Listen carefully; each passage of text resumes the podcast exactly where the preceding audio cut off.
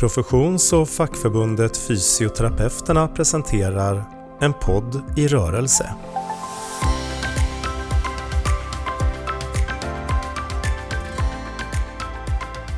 Hej och välkommen till En podd i rörelse. Eh, idag så ska jag prata med Lina Eilertsson. Välkommen Lina! Tack så mycket! Du har ju forskat kring arbetsmiljö som är en viktig fråga för oss som fackförbund och för våra medlemmar. En god arbetsmiljö är en av de faktorerna som är viktiga för om man som fysioterapeut väljer att vara kvar på en arbetsplats eller inte. Vi arbetar för en god och hållbar arbetsmiljö med, med bra förutsättningar. Och bra förutsättningar kan vara många saker. Det kan handla om arbetstid och möjlighet att ha kontroll över sina, sin arbetssituation eller om att ha dataprogram som stödjer istället för att störa. Och det kan också handla om återhämtning eh, och det är ju en av de sakerna som vi ska prata om idag. Eh, Lina, du är forskare vid Lunds universitet och har en doktorstitel i folkhälsovetenskap. Är det någonting mer som känns viktigt att vi vet om dig innan vi liksom börjar ställa frågor? Eh, nej, jag tyckte att du sammanfattade det bra. Jag eh, har ju i lite mer än tio år nu forskat just om återhämtning i arbetsvardagen och hur viktigt det är för vårt mående. Så det ska bli jättespännande att djupdyka ner i det tillsammans nu. Mm. Så vill jag gärna, innan vi börjar så vill jag också gärna tipsa om din podd, nej din podd, din, ditt Instagramkonto som heter, vad är det nu det heter? Återhämtningsforskaren heter det. Så det är ett konto där jag lägger ut lite tips, forskning om återhämtning, hälsa i arbetslivet. Försöker helt enkelt göra forskning lite roligare, lite mer lättillgängligt. Så det får man jättegärna kolla in om man känner att man vill ha en liten daglig dos och lite mer kunskap om det. Mm, jättebra. Jag tycker det är både konkret och handfast och liksom kortfattade råd som man får där som man har nytta av i vardagen. Så det tycker jag är en jättebra grej. Eh, men du har ju disputerat på en avhandling om återhämtning. Och vad var det som fick dig intresserad av området? Ja, det började väl egentligen redan... Eh, jag har ju en liksom bakgrund som folkhälsovetare och när jag gjorde min vidareutbildning så eh, försökte jag skapa mer kunskap kring just ja, men, arbetshälsa och hur skapar vi hälsofrämjande arbetsplatser? Och då såg jag rätt så snabbt att återhämtning, vikten av det på något sätt var återkommande. Men då ska jag ändå säga att då var ju väldigt stort fokus på tiden utanför jobbet. Alltså vi ska sova bra för att återhämta oss. Vi gör olika saker för att liksom, ladda batterierna så att vi orkar jobba igen. Och på något sätt kände jag att men var, var kommer återhämtning under arbetsdagen in i bilden? Och då, och då eh, samarbetade jag tillsammans med en forskargrupp där vi verkligen ville kolla mer på detta. För vi hade ju våra aningar om att det kunde vara viktigt. Och så specifikt också var det väldigt lite forskning om, för jag har gjort all min forskning inom primärvården personal som jobbar inom primärvården.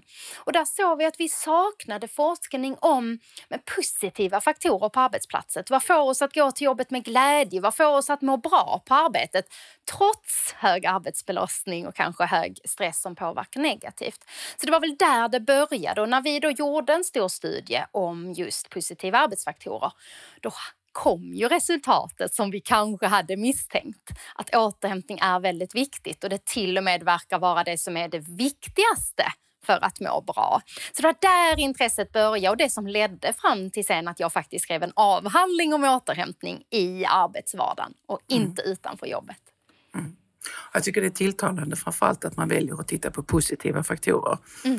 Eh, att istället för att plocka bort vad kan vi lägga till och det, återhämtning är ju en sån sak som man kan lägga till. Att det finns utrymme för det. Mm. Och det är ju en förutsättning för en god arbetsmiljö. Men om vi liksom backar lite, hur definierar du en god arbetsmiljö? Ja, det är en stor och svår fråga du kommer med. Um, jag kan säga för att man delar ju liksom upp arbetsmiljö i tre delar. Vi har ju dels den Ja, nu finns det ju tre områden. Den fysiska arbetsmiljön som har en del och så har vi den digitala och så då den mer organisatoriska och sociala. Och det är ju inom det spannet jag rör mig i min mm. forskning och det arbete jag gör. Så om vi kanske stannar där då. Och då handlar det ju mycket om, tänker jag, eh, att skapa förutsättningar för individen Eh, individens välbefinnande, det ska finnas en god arbetstillfredsställelse, personlig utveckling men också gemenskapen i grupp gruppen. Så det är många pusselbitar som ingår, men det jag utgår från mycket i min forskning och när jag träffar medarbetare, det är liksom det här de olika individuella behoven som finns på arbetsplatsen och att vi behöver ha dem i åtanke när vi skapar en god arbetsmiljö. Vi behöver alltså ge individen rätt förutsättningar för att känna sig trygg, för att kunna um, ha rätt resurser att utföra sina arbetsuppgifter, men också rätt förutsättningar för återhämtning som ju mm. är så viktigt. Mm. Så att det ligger mycket i den där goda arbetsmiljön. Mm, mm. Ja, jag tänker också att arbetsmiljö, alltså synen på arbetsmiljö och vad det innebär har ju skiftat över tid. Mm. Det handlade ju för mycket mer om den fysiska arbetsmiljön och Precis. det vi utsatte våra kroppar för. Medan det idag handlar mycket mer om de delarna som du är inne på. Ja. Um, Alla delarna är ju liksom precis lika viktiga men precis, jag är ju mer inne på det psykosociala. Uh. Uh, inte lika mycket just med kanske mer fysiska skador eller faror på arbetsplatsen. Mm. Vad är det som gör att du jag har jobbat som chef och en av de sakerna som jag eh, tyckte då att jag arbetade väldigt mycket med var ju arbetsmiljö på olika sätt. Mm. Även om det handlade dels att man följde det systematiska arbetsmiljöarbetet men att man, det blev ändå aspekter på arbetsmiljö i mycket av det man gjorde. Um, vad tänk, och samtidigt så tyckte jag att det var ganska svårt. Ehm, um, och liksom, vad, kanske en ledande fråga, men vad, vad tänker du, vad är det som gör att det är svårt att tillgodose att vi har en god arbetsmiljö? Du pratar lite om de individuella aspekterna och jag tänker att det kanske är en av svårigheterna.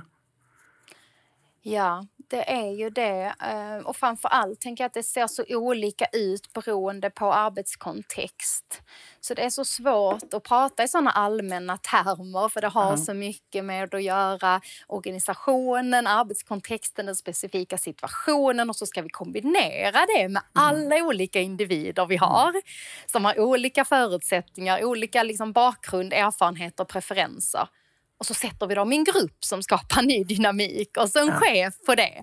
Så att det är liksom, ja, det gäller helt enkelt, det är en svår, ett svårt uppdrag om vi nu pratar ur chefsperspektiv. Men jag tror att, att, att eh, fokus på individen och framförallt individanpassning är en viktig nyckel här. Mm, mm, mm. Men eh, vi går tillbaka till din avhandling, eller har i och för sig aldrig lämnat den. Men berätta gärna lite mer om din avhandling och de resultat du fick. Ja, eh, det var en avhandling. Jag disputerade kan jag säga för eh, två och ett halvt år sedan ungefär, så den är fortfarande relativt färsk. Eh, och den handlade just om återhämtning i arbetsvardagen.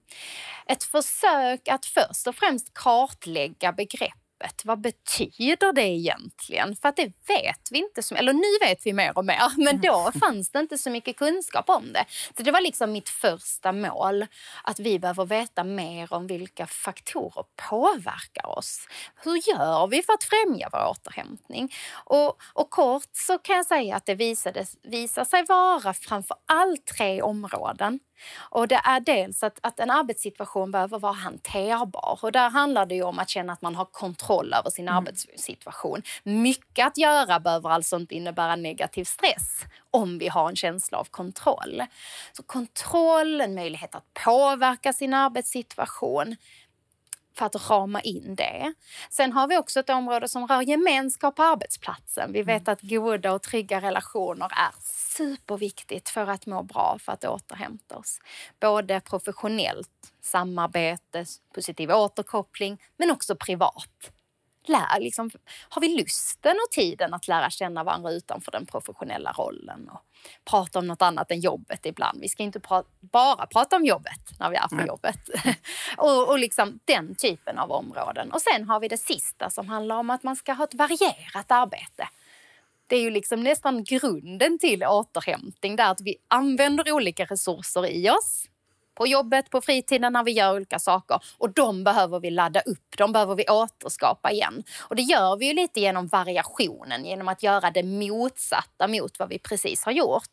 Så vi kan se att just att ha varierade arbetsuppgifter, kanske variera platsen man är på, variera vilket tempo man utför arbetsuppgifter, det främjar återhämtning. Och det kan ju vara helt beroende på arbetssituation. Kan det ju vara liksom, har du packat med, nu pratar vi ju kanske eh, fysioterapeuter, kontaktyrken, människovårdande yrken där man ofta har bokade patienter mm. kanske. Där det är svårt eh, med den här flexibiliteten. Men att där vara noga med ja, men jag tar mikropauser mellan patienter för jag använder ungefär samma resurser hela dagen. Så det är svårt att skifta arbetsuppgifter helt, för de är styrda. Men att jag ändå kan genom mikropauser få sin, min återhämtning, men också nyttja såklart en faktisk lunchrast där man har lite mer tid. Så det var, det var liksom i korta drag, eh, eller i stora drag, mitt första område på, i avhandlingen. Och sen ville vi såklart titta på men hur, hur vi får vi till den här återhämtningen i arbetsvardagen? För det kan låta enkelt men det är väldigt svårt. Så vi behövde titta på förutsättningar för att få till det. Hur lyckas vi? Men också testa olika aktiviteter. Så jag har ju gjort eh, interventioner ute på faktiska arbetsplatser där vi har testat massa olika former av återhämtning och ser vad händer hos medarbetarna när vi gör detta och vad leder till. Och där kan vi också se såklart massa spännande resultat. Hur återhämtning kan leda till ökat välbefinnande och bättre stämning i gruppen om man jobbar med det här tillsammans, om individen mår bättre men också om vi återhämtar oss tillsammans. Så massa viktiga pusselbitar. Mm. Har ni följt upp de här resultaten? Jag tänker att just sådana här interventioner, de är, det är, jag ska inte säga att det är lätt, men det kanske är lättare att göra när man är med i forskningsstudier och man ska testa ja. någonting nytt och så.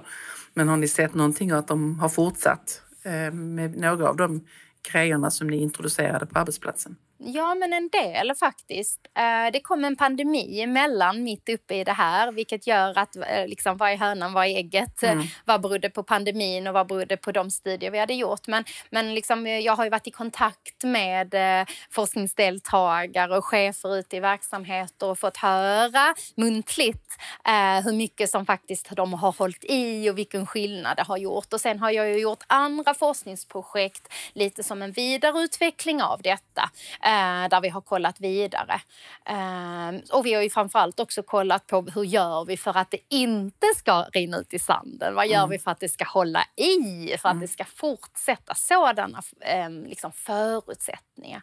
Så absolut har vi fortsatt i olika mm. bemärkelser. Det är ju jättesmart att tänka så.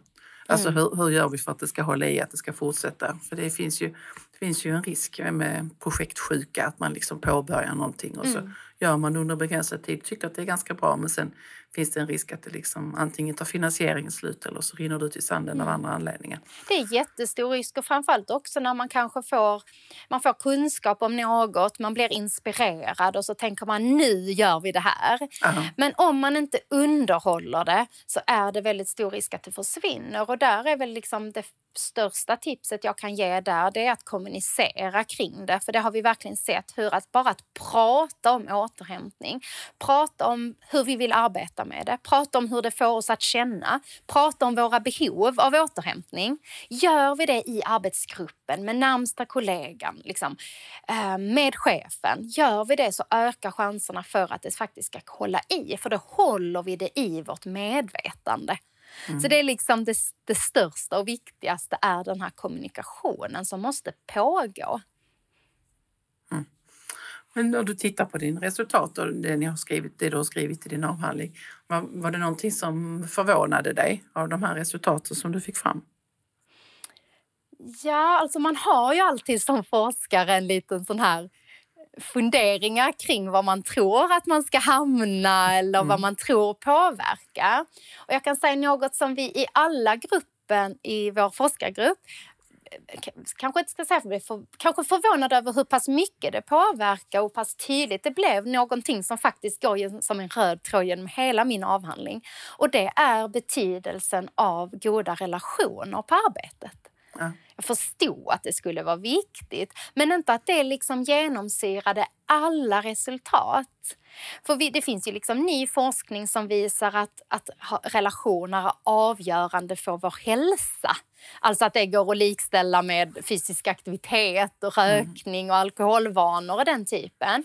Och vi vet också att, att relationer verkar vara avgörande för att känna en lycka Men att det också skulle vara så viktigt för återhämtning, det tycker jag är spännande. Och då finns det ju två aspekter av det. Dels det här att göra tillsammans. Mm. Alltså vi återhämtar oss tillsammans. Vi tar en paus på mötet och gör något tillsammans. Vi börjar dagen med återhämtning. Man bjuder med en kollega ut på en lunchpromenad. Alltså den typen. Men vi har också den här tillsammanseffekten av att faktiskt stötta varandra i den individuella återhämtningen. Mm. Jag hjälper dig att bli färdig så, så får vi lite e, extra frigjord tid.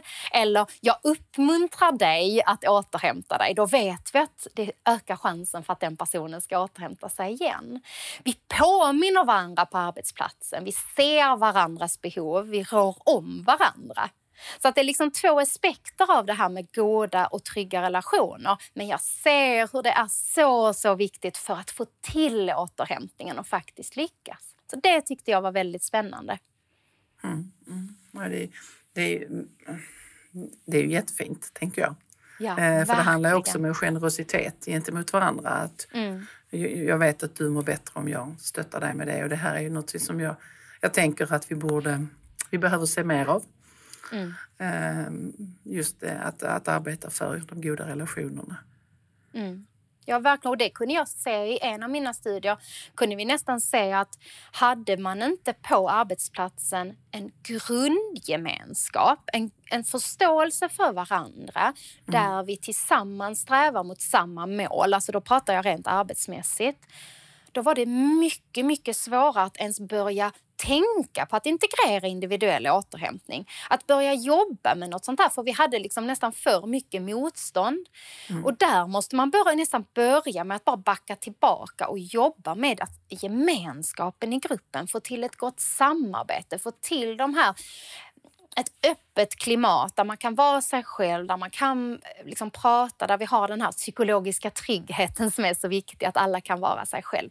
Och sen kan vi jobba med hälsofrämjande insatser. Mm. Så att det är nästan liksom en grund för att det ska fungera. Mm.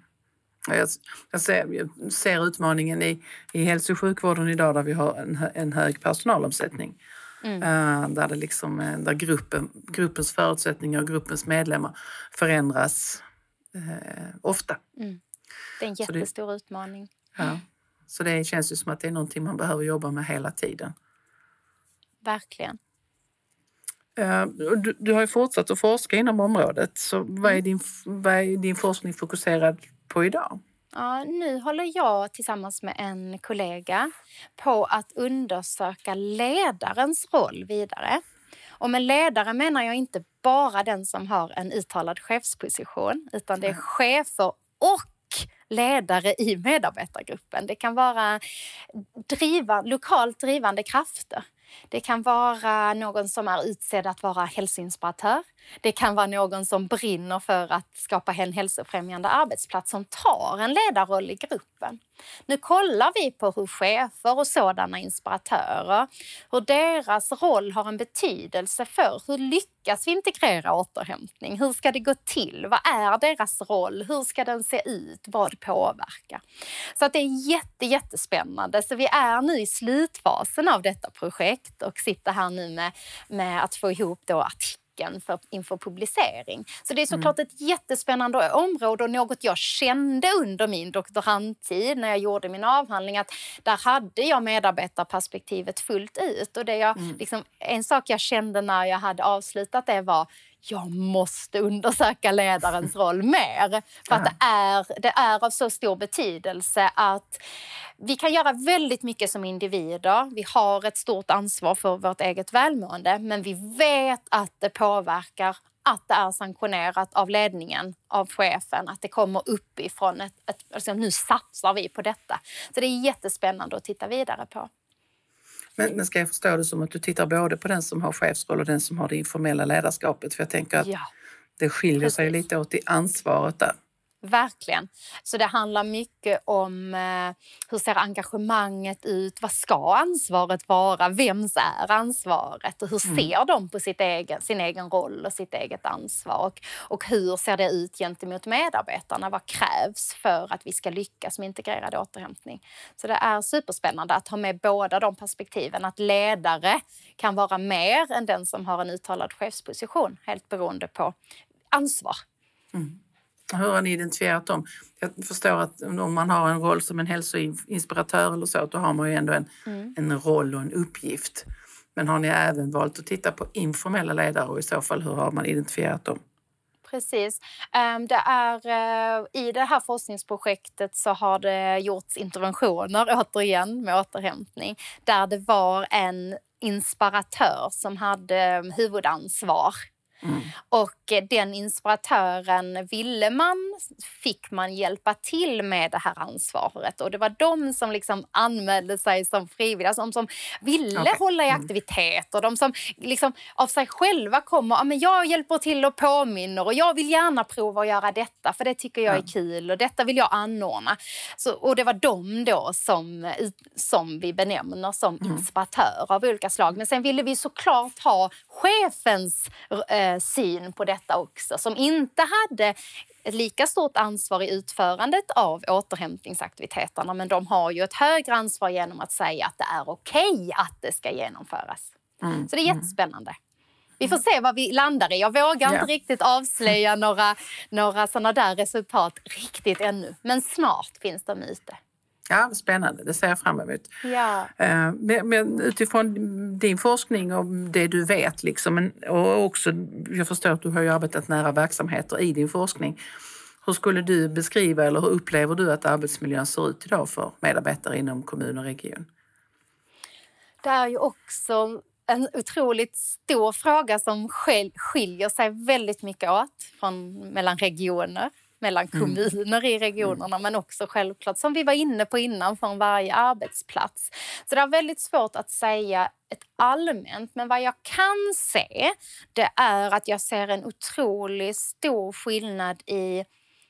Det är en väldigt stor nyfikenhet ute i verksamheten nu. Eh, det ser ju jag verkligen hur vilka som kontaktar mig och vilka verksamheter jag kommer ut till. Att man mm. har, det finns en väldigt stor önskan om att öka kunskapen kring detta både på chefsnivå men också liksom ute hos medarbetare. Så det kan jag säga att jag verkligen ser och det är en väldigt positiv eh, förändring som har skett. Att fler förstår liksom värdet av att jobba med återhämtning, förstår värdet i att göra hälsofrämjande insatser, sluta släcka bränder. Vi mm. måste jobba långsiktigt. Mm. Och det tycker jag eh, syns ute i region och kommun att den förändringen har skett. Vad bra.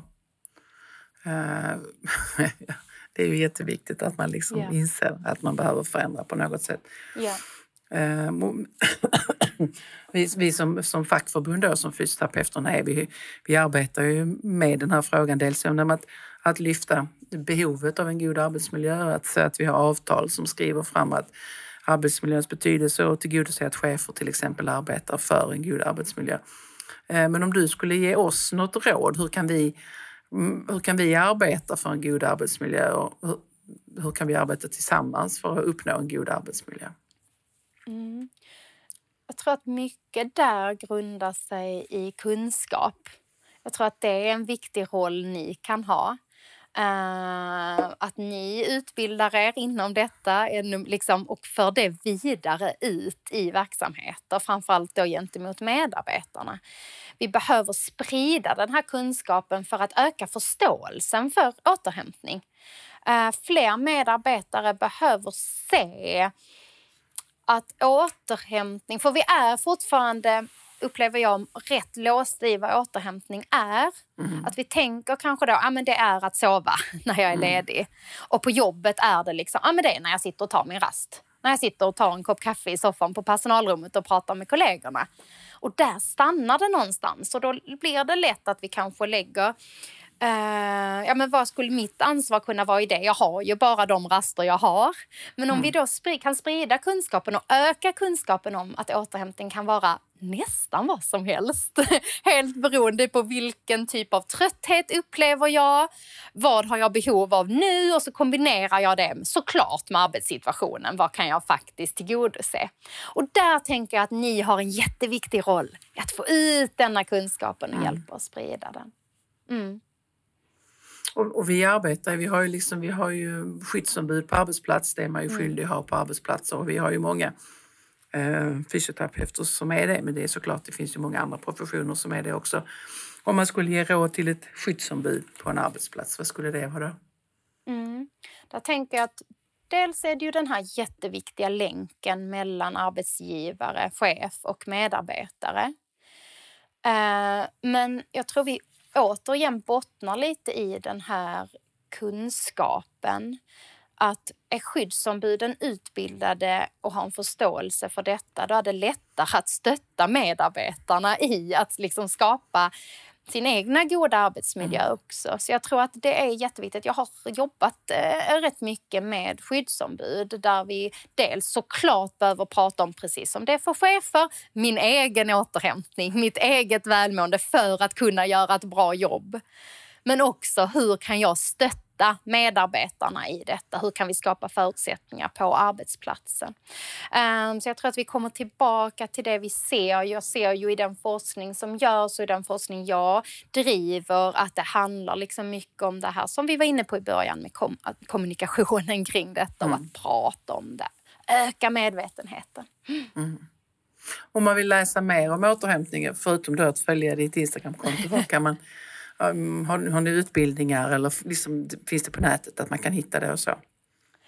Um, ja, um, I så fall tänker jag att det bästa är att ta kontakt med mig om det intresset finns. För att jag jobbar ju mycket med eh, föreläsningar, workshops, utbildningar på ämnet, stöttar mm. organisationer i sitt arbete. Um, så det finns inget så som jag direkt kommer att tänka på. Från mitt håll finns det ingenting på nätet. Eh, men det är klart, det finns ju jättemycket information att hitta om det finns intresse. Det finns ju många organisationer nu som jobbar med att sprida detta viktiga. Mm. För, för det blir, nu tänker jag, så har du fått ge råd till oss som fackförbund, du har gett råd till skyddsombuden. Men om jag då arbetar som fysioterapeut i en arbetsmiljö som är ibland stressig och där jag liksom känner mm. att eh, jag har svårt att hitta tid till återhämtning. Vilka råd skulle du ge mig och var ska jag börja någonstans? Precis, det är en jättebra fråga. Just var ska jag börja? Och jag, jag vill råda alla som lyssnar att börja med att försöka sätta fingret på mitt återhämtningsbehov. Så gärna göra någon slags check-in med dig själv först och främst i början av dagen. Hur mår jag? Vad har jag för behov av återhämtning? Men att göra det kontinuerligt under dagen, för behovet kan ju förändras. Var känner jag mig trött? Jag kanske kommer direkt från ett, ett, liksom ett patientsamtal som var, tog mycket på min emotionella trötthet. Mm. Ja, då kanske kan jag, kan göra någonting där hjärtat får vila lite. Kan jag göra någonting, kanske något kreativt? Kan jag ta några djupa andetag, nollställa? Hinner jag ta ett varv runt huset innan jag går till nästa? Så att liksom först och främst, vad har jag behov av? Och sen då som jag var inne på, kombinera det med arbetssituationen. Och har man bokade patienter som i det här sammanhanget så är det ju framför allt de mikropauserna som behöver ligga i fokus under dagen ta det där djupa andetaget innan jag öppnar nästa dörr och kallar in nästa. Och sen mm. lägger vi lite mer krut på lunchen då, där jag kan faktiskt få in en längre sammanhängande återhämtning. Och där måste vi bli bättre på att inte göra det som förväntas av oss.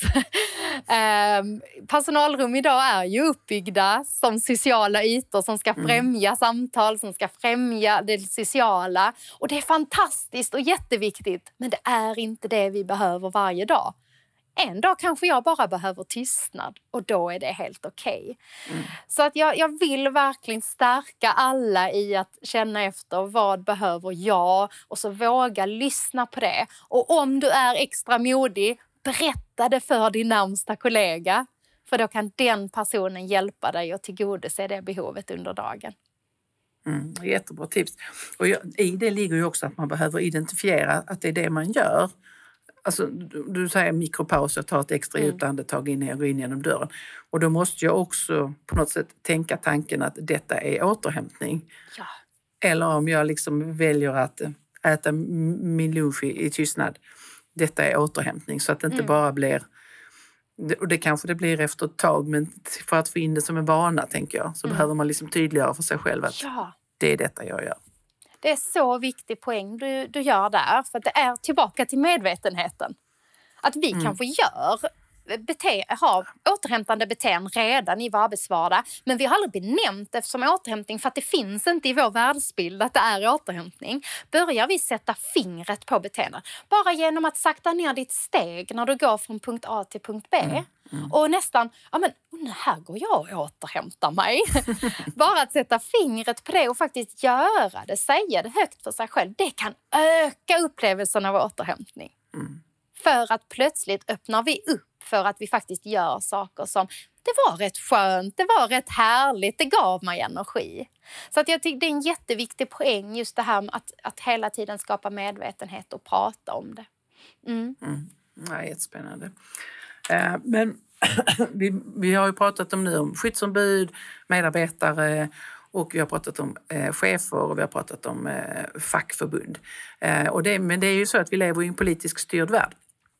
Eh, så därför brukar vi alltid avsluta med frågan om om du var socialminister för några dagar, vilka beslut skulle du då fatta för att vi som medarbetare inom kommuner och regioner ska få så goda förutsättningar för vårt arbete som möjligt ur ett arbetsmiljöperspektiv? Och nu lever vi i den här fiktiva världen där du är minister så är det lite mer eh, eh, det är okej okay att fatta beslut som inte alltid är demokratiskt förankrade utan du får, liksom, du, du, du får lov att tänka fritt och stort. Ja, det är bra. Um, men det är ju någonting som kommer till mig eh, spontant för att det pågår just nu ett projekt inom just kommun där man provar att eh, avsätta en timmes återhämtning varje dag för sina medarbetare. Och det här tilltalar ju mig, detta projektet. Det finns inga, inga resultat ännu, vilket gör att liksom, jag lämnar in en brasklapp på detta. Men jag kan ju bara liksom tänka mig vad det kan ge för effekter. För om vi ställer det mot att det finns studier som har kollat på förkortad arbetsdag till exempel. Mm. Jobba sex timmar istället för åtta. Man kan se många fördelar med att men man kan jobba lika effektivt, om inte bättre. Man kan prestera lika bra. Man kan också se effekter på välmående, på upplevd återhämtning, upp, att balansen mellan arbete och privatliv blir bättre och så vidare. Sen finns det ju en annan sida av det som är att vad händer om vi komprimerar arbetsdagen? Tar vi då mm. bort korridorsnacket? Tar vi då bort den här otroligt viktiga reflektionen som är, som bara sker naturligt under dagen, egenreflektionen, reflektion med andra. Vad händer? Så att eh, jag är väldigt tudelad kring det. Men jag tänker att ha, då ha en timmes återhämtning varje dag, då kan vi ta, få alla de fördelar som kommer av att göra det. Men vi tar inte bort de här viktiga eh, sakerna i arbetslivet för vi komprimerar inte det på samma sätt. Så jag tänker om jag skulle få ta ett beslut här och mm. nu, då skulle jag faktiskt införa återhämtning på arbetet. Till, liksom, utöver självklart alla mikropauser, all naturlig integrerad återhämtning som bara ska hända under arbetsdagen för att vi aldrig ska krascha. Vi ska behålla en balans mellan de belastningar vi utsätts för och återhämtning. Det ska vi sträva efter. Men kan vi få den här fantastiska bonusen att få en timme där vi liksom gör precis det vi behöver för att kunna göra ett bra jobb och vara hålla i längden och må bra på vägen dit. Då tror jag att vi skulle kunna nå många positiva resultat. Så det skulle jag göra. Ja, det låter som ett spännande beslut. Det ser vi fram emot när det blir verklighet. Tack så hemskt mycket Lina för att du hade möjlighet att prata med mig idag. Tack så mycket Cecilia. En podd i rörelse presenterades av Fysioterapeuterna.